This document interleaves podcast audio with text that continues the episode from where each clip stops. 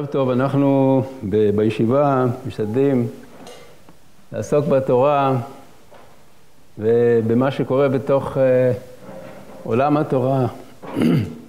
אבל יחד עם זה, uh,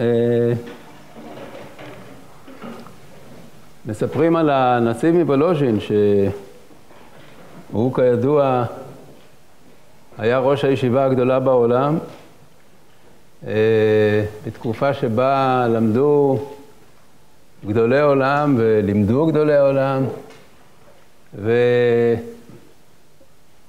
וכפי שסיפרתי לכם לפני שבוע, ששאלו אותו מה עושים בישיבה, אז הוא אמר אוכלים וישנים. דהיינו שהוא דגל בזה שהישיבה צריכה לעסוק בלימוד, רק בלימוד ולא בשום דבר אחר. אבל עם כל זה מספרים, ולא לא מספרים סיפורים בעלמא, אלא יודעים שהנציב היה קורא כל בוקר עיתון יומי. זה שמענו מפי הרב צבי יהודה, ששמע את זה מפי מרן הרב זצ"ל, שהיה תלמיד מובהק וחביב על הנציב, שהנציב היה קורא כל בוקר את העיתון. איזה עיתון זה היה אני לא זוכר, אבל זה לא משנה, זה לא היה הצופה, זה היה משהו מהתקופה ההיא. והוא אמר שצריך לדעת מה קורה בעם ישראל. אסור לבן אדם להיות uh, מנותק ממה שקורה בעם ישראל, בפרט לאנשים uh, בעלי, uh, בעלי מעמד של הנהגה ואנשים שיש להם השפעה בציבור. אבל בימינו גם, גם בני תורה רגילים, כלומר לא כאלה שהם מנהיגי הדור, יש להם השפעה. יש השפעה ו... אמורה להיות להם השפעה על מה שקורה בעם ישראל, ולא צריך להיות מנותקים ממה שקורה. זה לא אומר שצריך כל כמה דקות להתעדכן בחדשות, אבל לדעת דברים שמתרחשים בהחלט חשוב גם לנו כבני תורה. ואני רוצה לדבר על דבר שמתרחש בימים האחרונים, כמובן לא מהצד של הפוליטיקה שבו, אלא מהצד העקרוני, והוא הנושא הזה של מהפכה כאילו שהולכת להיות בתחום של מערכת המשפט. למה זה חשוב לדעת את זה? מפני שמדובר על דברים שהם שייכים לתחום העקרונות והערכים של תורה, שהתייחסות נכונה אליהם היא, היא חשובה גם לא בהקשר העכשווי הזה, אלא באופן כללי, באופן עקרוני. כידוע, או לא כידוע, אז אני מודיע למי שלא יודע, אז עכשיו מדובר על ארבעה שינויים שרוצים לערוך במערכת המשפט, הממשלה החדשה, ואני אמנה אותם אחד לאחד במשך השיחה, כמובן מהצד, ה... כפי שאמרתי, מהצד העקרוני. אז אחד, והמפורסם אולי ביותר, הוא הנושא של פסקת ההתגברות. מה פירוש הדבר? כידוע, החוקים במדינה נקבעים על ידי הכנסת. זאתי המציאות, למרות שאנחנו לא כל כך מאושרים מהאופן שבו מתקבלים החוקים במדינה, כי הכנסת לא רואה את עצמה מחויבת לדיני תורה, וממילא בהרבה תחומים יש חוקים שהם לא מתאימים לדין תורה, למרות שבתחומים אחרים כן. אבל זאת המציאות שהכנסת קובעת את החוקים של המדינה. היא נקראת הרשות המחוקקת. ושתי הרשויות, הרשויות האחרות במדינה, על פי החלוקה המקובלת בתורת המדינה, הן הרשות המבצעת, שזאת הממשלה, ברשות השופטת, שזה מערכת המשפט. כאשר אה, הרעיון הוא שהממשלה אמורה להנהיג ולבצע את מה שצריך לבצע במדינה אה, באופן עצמאי מהכנסת, דהיינו, הכנסת מחוקקת חוקים, אבל בסופו של דבר מי מיישם אותם? מי אה, פועל, באיזו מדיניות הוא פועל, לגבי כל מה שצריך לפעול במדינה, זה נושא בפני עצמו שהוא מסור לממשלה. למשל, כל הנושא של, כמובן הנושא של ביטחון ושל מדיניות חוץ, אבל גם נושאים כמו תחבורה ו- ובריאות וכדומה, כל התיקים שיש בממשלה, שהם עסוקים אה, לא בחוקים, הם עסוקים בביצוע, הם עסוקים בדברים שצריך לעשות במדינה לטובת, לטובת האזרחים, לטובת תושבי המדינה. אז זה נקרא הרשות המבצעת, והרשות השופטת, אה, תפקידה לשפוט את מה שמתרחש, דהיינו, גם לשפוט את הפרט על אה, מעשיו, אם הם בניגוד לחוק, וגם אה, לשפוט את, ה, את הגופים האחרים במדינה, הגופים השלטוניים, אה, לראות שהם פועלים בצורה חוקית, ובמידה שלא, אז ל, ל,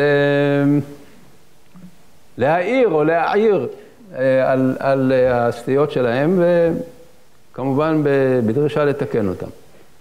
אז מה פירוש הדבר, פסקת ההתגברות, או על מה מדובר? מדובר על זה שהכנסת, איך הכנסת יכולה לפעול באופן לא חוקי? הכנסת היא הרי זאת שמחוקקת. אם הכנסת מחוקקת חוק, שבית המשפט חושב שהוא חוק לא ראוי. מה זאת אומרת חוק לא ראוי? על פי מה קובעים שחוק הוא לא ראוי? הרי אם העם הוא הריבון והוא בחר את הנציגים לרשות המחוקקת, והרשות המחוקקת מחוקקת חוק, אז מה זאת אומרת חוק לא ראוי? לפי מה? מי קובע שהוא לא ראוי? נוסף כאן מושג, מושג אה, חדש על פני, בנוסף למושגים שהזכרנו עד עכשיו, והוא המושג של הצדק.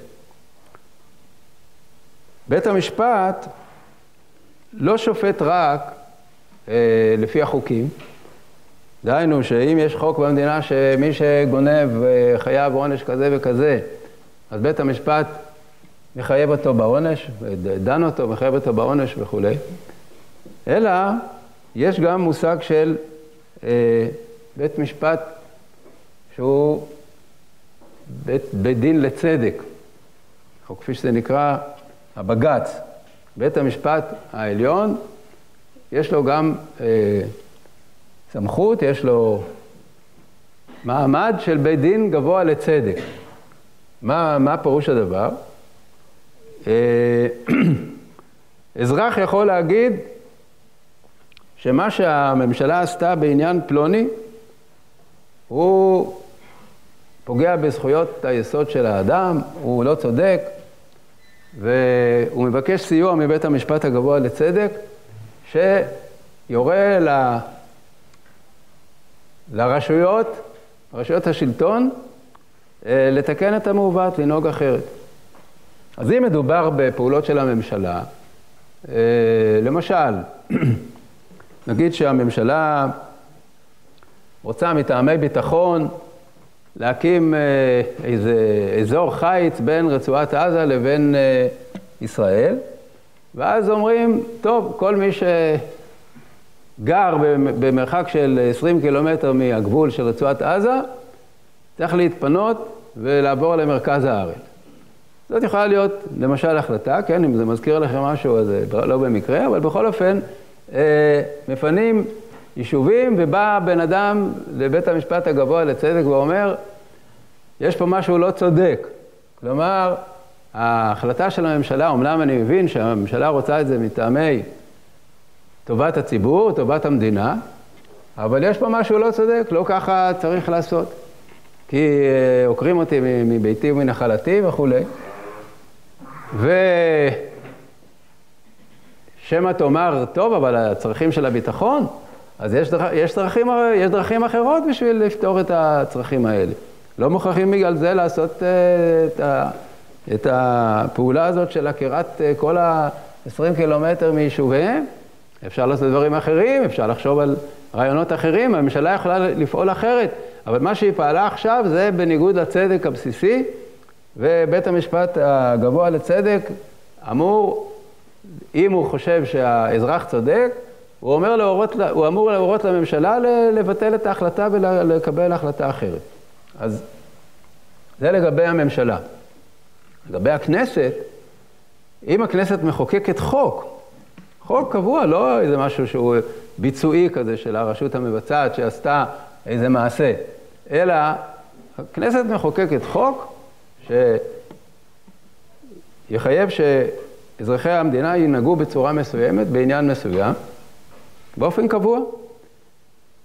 ובא פלוני, האזרח, ואומר, החוק הזה הוא לא צודק. אה, הוא יכול לפנות לבג"ץ ולהגיד, להסביר למה הוא לא צודק, למה הוא גורם עוול. ואז הבג"ץ יכול להחליט, אחרי שהוא שוקל את העניין, שאכן החוק, הזה לא צודק, לא ראוי, זה חוק לא ראוי. מי קובע, מי קובע מה נקרא חוק ראוי ומה נקרא חוק לא ראוי? הרי חברי הכנסת הם גם כן בני אדם חכמים, וגם הם אה, קיבלו מנדט מהציבור, או יותר נכון, רק הם קיבלו מנדט מהציבור, כפי שתכף אה, נסביר, והם קבעו שהחוק הזה הוא בסדר גמור, זה חוק ראוי. אז איך בית המשפט יכול אה, לומר שהחוק הוא לא ראוי ולבטל אותו, לרצות לבטל אותו? אז כאן נכנס עוד אלמנט אחד שצריך להכיר אותו, שנקרא בשם חוקה. דהיינו שיש ארצות שישראל היא לא ביניהן, שיש להן חוקה, שפירושה איזושהי הצהרת, הצהרת עקרונות אה, ערכית, או אפשר לומר אפילו פילוסופית, שאומרת מה, על איזה ערכים, על איזה יסודות, על איזה הנחות המדינה מבוססת. איך היא רואה את עצמה כישות אה, ציבורית, ובחוקה אה, אומרים כל מיני דברים כלליים על אופי החברה, אופי המדינה, ואז יכול לבוא בית משפט ולומר, חוק פלוני שהכנסת חוקקה, או שהפרלמנט חוקק, הוא עומד בניגוד לחוקה. כי בחוקה כתוב שנאמר, אה, אין הבדל בין גברים לנשים, לשום, לשום עניין, והחוק של הכנסת, אה, הכנסת מחוקקת חוק שמבדיל בין גברים לנשים לאיזשהו עניין. אז בא בית המשפט הגבוה לצדק ואומר, החוק הזה הוא לא חוקי, הוא בניגוד לחוקה. בישראל אין חוקה.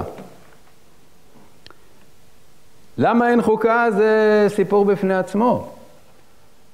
סיפור לא טוב, כי אה, כשהוקמה המדינה בה' אייר תש"ח, נכתבה מגילת העצמאות, ובה כתוב שעד תאריך פלוני בשנת אה, תש"ח תהיה חוקה למדינה. היא ת, ת, תחוקק על ידי אספה מכוננת שתיבחר על ידי העם, אספה שמטרתה לקבוע חוקה למדינה. אה, האספה המכוננת הזאת נבחרה, אבל לא אה, עמדה בהתחייבותה ולא אה, לא חוקקה חוקה למדינה. וזה אומר לא רק את העקרונות של הערכים, אלא זה אומר שגם לא קבעו מהי צורת השלטון שצריכה להיות במדינה, כי יש הרי כל מיני צורות שלטון. וזה היה צריך להיקבע בחוקה. אם זה תהיה דמוקרטיה פרלמנטרית, אם תהיה דמוקרטיה נשיאותית, אם זה יהיה משהו אחר, זה היה צריך להיקבע בחוקה. אבל זה לא נקבע. למה זה לא נקבע? כי כנראה היו כמה סיבות שבהן בגללן ראו שזה לא ילך, לא יגיעו לידי הסכמה. אה, היו גם מאורעות לא פשוטים באותה תקופה של מלחמת השחרור. בקיצור, העניין נדחה והתמסמס, לא נקבעה חוקה לישראל.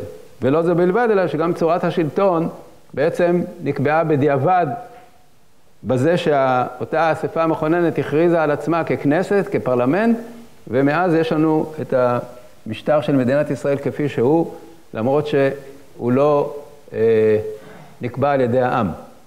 זה, זאת בעיה בפני עצמה, ולא על זה אני רוצה לדבר עכשיו.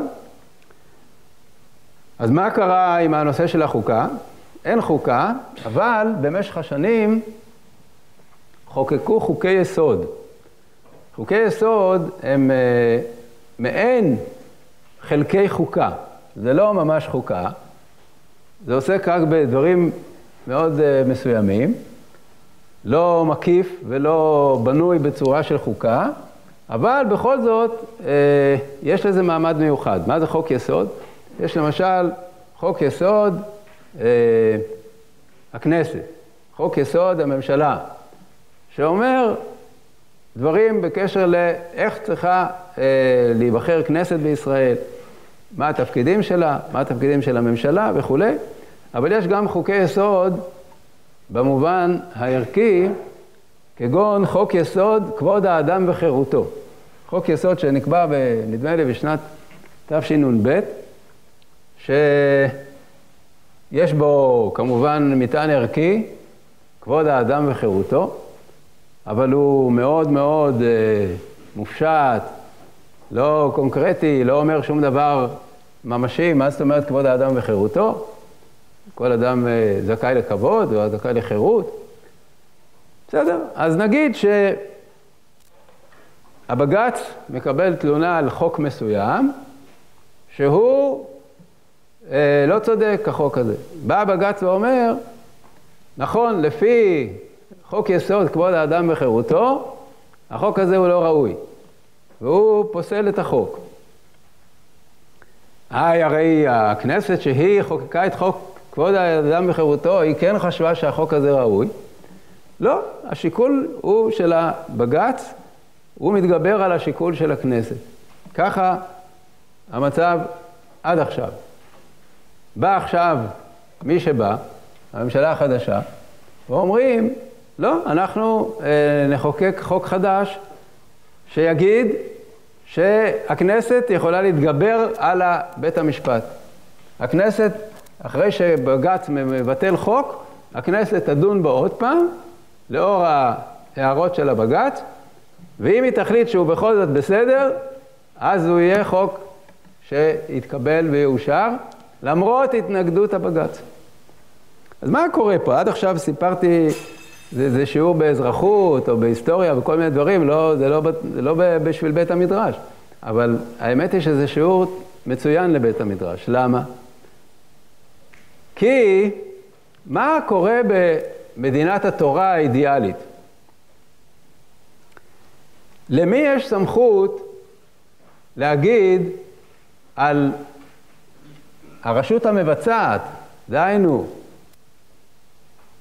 המלך, השרים, ממשלה, או על רשות מחוקקת כביכול, דהיינו, אספת נבחרי ציבור, ויש דבר כזה בהלכה, יש דבר כזה אספת נבחרי ציבור. יש מושג שנקרא תקנות קהל. תקנות קהל זה דבר שהוא מאוד רציני. הוא, מקורו העיקרי הוא בגמרא ובבא פרק א', בדף ח', על העניין של בני העיר. וכמו שיש בני העיר, כך יש גם בני המדינה.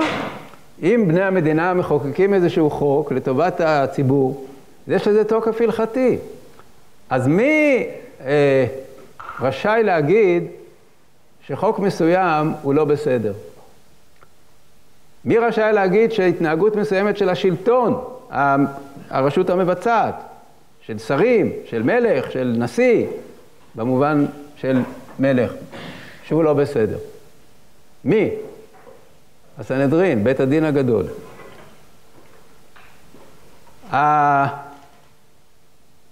השופטים בישראל, מערכת המשפט בישראל, מחזיקה את עצמה כסנהדרין. הם חושבים שהם סנהדרין, אה, לפי, אולי לפי תומם. הם לא יודעים שהם לא סנהדרין, אבל הם חושבים שהם סנהדרין, והם יכולים לבטל גם את חוקי הכנסת וגם את פעולות הממשלה, כמו שהסנהדרין יכלו להעמיד לדין מלך ויכלו לבטל חוקים של תקנות קהל. מה אומרת הגמרא בבבא בתרא, שהזכרתי?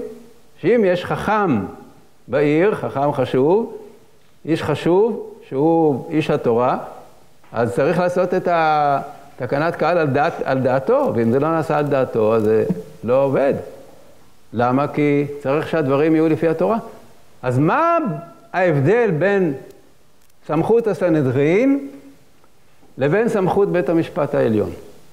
ההבדל הוא פשוט מאוד, ועל זה כל המהומה. הסנהדרין לא חושבים שהם יותר חכמים מאחרים. הם לא חושבים שהם יותר חכמים מאלה שתיקנו את התקנה של הקהל, ולא יותר חכמים מהמלך ושריו, אלא הם מודיעים מהו משפט התורה. המקור של החוקים שהסנהדרין שופטים לפיהם הוא לא בחוכמתם של בני אדם, ואז השאלה היא מי יותר חכם. מי יותר צודק? הסנהדרין כפופים למה שהקדוש ברוך הוא ציווה את עם ישראל. הם לא חכמים יותר מאחרים, הם רק יודעים את התורה. הם יודעים את התורה, והם מוסרים את משפט התורה. מהסנהדרין יוצאת הוראה לישראל, והרמב"ם הרי כידוע אומר שכל הסיבה שמסכת אבות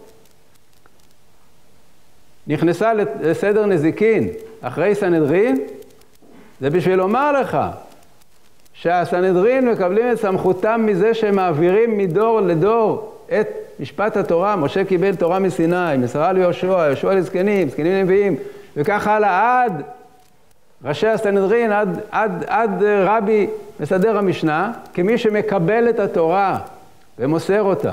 קבלת התורה ומסירתה, זאת העבודה של הסנהדרין. ואם, תאמר לך, ואם יאמר לך אדם, מה, מי הוא פלוני שאנחנו נשמע בקולו? ככה אומר הרמב"ם בהקדמת המשנה. מי הוא פלוני שאנחנו נשמע בקולו? התשובה היא, זה לא פלוני.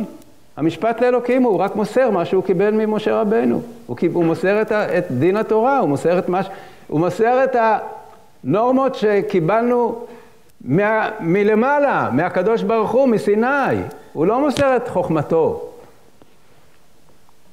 לעומת זאת, מה קורה היום במדינתנו? יש התגוששות בין החכמים האלה לחכמים אחרים, מי יותר חכם? חברי הכנסת אומרים, אנחנו נבחרנו על ידי הציבור, יש לנו יתרון, היתרון הזה שנבחרנו על ידי הציבור. אתם אומרים דמוקרטיה, דמוקרטיה זה שלטון העם. רצון העם זה, זה הדבר שקובע. העם הוא הריבון, ככה זה בדמוקרטיה. אז אנחנו נבחרנו על ידי העם בשביל לחוקק חוקים. אנחנו חושבים שהחוק הזה הוא ראוי, והוא נכון, והוא צודק, והוא בסדר. אתם, שופטי הבג"ץ, שאתם לא נבחרתם על ידי העם, אלא נבחרתם בדרך אחרת שהיא יותר מקצועית, יותר סגורה, בתוך, בתוך, אה, בתוך אה, קבוצה של אנשים שהם אה, ממנים את השופטים על פי שיקולים, עוד מעט נדבר על זה כמה מילים, זה חשוב.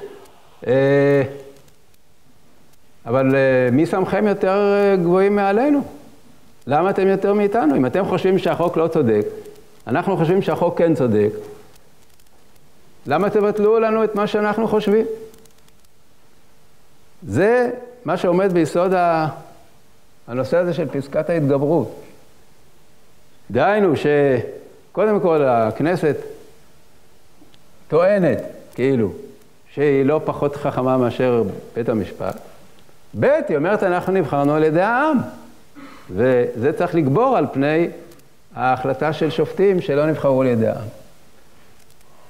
אה, אני לא רוצה להמעיט בטיעון הנגדי אה, בקשר לעניין הזה, וזה נוגע לסעיף נוסף במהפכה הזאת שכאילו רוצים לעשות היום. וזה העניין של איך בוחרים שופטים. יש ועדה למינוי שופטים על פי חוק השפיטה, שזה חוק של הכנסת, ועדה למינוי שופטים, כל הדרגות, כולל שופטי בית המשפט העליון, והוועדה למינוי שופטים היא מורכבת אה, ברובה ממשפטנים, ובמיעוטה מפוליטיקאים, כלומר משרים וחברי כנסת. טוען אה, שר המשפטים של היום, כלומר הממשלה של היום, טוענת, זה לא בסדר. השופטים צריכים להתמנות יותר על ידי נציגי הציבור מאשר על ידי אנשי מקצוע. השופטים, שהם חברי ועדת מינוי שופטים, זה שני שופטים. שלושה שופטים מבית המשפט העליון, נדמה לי, ועוד שני עורכי דין מלשכת עורכי הדין, ולעומתם עוד ארבעה שהם אה, שני שרים ושני חברי כנסת, כלומר שיש רוב לאנשי המקצוע. אז אומרים, לא, גם זה לא בסדר, צריך לשנות את זה. צריך שרוב חברי הוועדה למינוי שופטים יהיו נבחרי ציבור, דהיינו חברי כנסת או שרים. מה ההיגיון ב, ב, בעמדה של השופטים, שעושים סקנדל על, על הדברים האלה? הם אומרים, מי, מי יכול למנות מישהו שהוא צריך להיות איש מקצוע? אם לא, אנשי מקצוע באותו מקצוע. מי יכול לדעת שפלוני הוא יודע משפטים? אם לא, אנשים שהם חיים את המקצוע הזה והם, והם, והם מומחים במקצוע הזה. להבדיל, זה כמו שסמיכה לרבנות, הוא לא יכול לתת הציבור. סמיכה לרבנות צריך לתת רב, שהוא בעצמו תלמיד חכם, הוא יודע מה, מה צריך לדעת בשביל להיות רב. אז מבחינה זאת הטענה היא צודקת, ששופטים יכולים למנות שופטים אחרים, כי הם מבינים את, ה, את הרמה של המועמד. הם מבינים אם הוא מתאים או שהוא לא מתאים. אה, יחד עם זה יש גם מושג של נמלכים בציבור. אי אפשר להפיל על הציבור אנשים שהם בתפקידים של אה, שופטים ודיינים, בלי, בלי שהציבור ירצה, ירצה בהם ויחשוב שהם ראויים מבחינת האישיות שלהם, מבחינת ההנהגה שלהם, מבחינת המוסריות שלהם וכדומה. אז יש פה, יש פה על מה לדון בעניין הזה של ועדה למינוי שופטים. מכל מקום, הנקודה העיקרית שעליה בעצם נסוב בוויכוח זאת הנקודה הזאת של לעומת שיקול של אנשים מסוימים עומד שיקול של אנשים אחרים. ועכשיו בתוך, ה, ה, בתוך המערכת הזאת נכנס עוד הדבר השלישי, שהוא המושג שנקרא עילת הסבירות. שגם את זה רוצה, רוצה הממשלה עכשיו לשנות, לבטל. מה זה עילת הסבירות? זה כאשר בג"ץ מבקר פעולה של אחת הרשויות האחרות, דהיינו של הממשלה או של הכנסת, נגיד פעולה של הממשלה, אז הוא יכול לומר שהפעולה הזאת היא צריכה, להתב... דינה להתבטל מפני שהיא לא סבירה. מה פירוש לא סבירה? הבאנו מקודם את הדוגמה של אה, לעשות רצועת ביטחון ובשביל זה לה, לה, לה, לה, להזיז אה, את כל היישובים, מרחק של אה, קילומטרים. בא, בא הבג"ץ ואומר, לא, זה לא סביר. נכון שה... המטרה היא ראויה, צריך לדאוג לביטחון, אבל לעשות דבר כזה בשביל המטרה הזאת זה לא סביר. הוויכוח הוא אם זה סביר או לא סביר. אז שוב שואלים, מהי חזית שהסבירות שלך יותר, יותר חכמה או יותר נכונה או יותר צודקת מהסבירות של, של אלה? שוב פעם, יש פה התנגשות בין בני אדם לבני אדם. חוכמה של בני אדם לחוכמה של בני אדם אחרים. ובאמת, אין שום סיבה לחשוב ש... מה נקרא סביר, יודע פלוני שהוא יושב בבית המשפט יותר מאשר פלוני שהוא יושב בכנסת. גם זה שיושב בכנסת הוא לא איזה קטיל קנה באגמא. בחרו, בחרו אותו מאות ואלפי אנשים שחושבים שהוא בן אדם חכם, בן אדם ש... שיכול לדאוג לטובת הציבור כמו שצריך. אז מה זאת אומרת להגיד בעיניי זה לא סביר. למה אתה חושב שבעיניך יותר טוב מאשר בעיניו של פלוני? שוב פעם, הנושא של העימות בין דעת בני אדם לדעת בני אדם. מה שלא יכול להיות, או יותר נכון, לא שהוא לא יכול להיות, אלא שהוא עובד אחרת בעולם של מדינת תורה, בעולם של הכרעה בעניינים משפטיים על פי חוק שהוא חוק שניתן לנו, שלא אנחנו יוצרים אותו ולא אנחנו אומרים הוא סביר או לא סביר.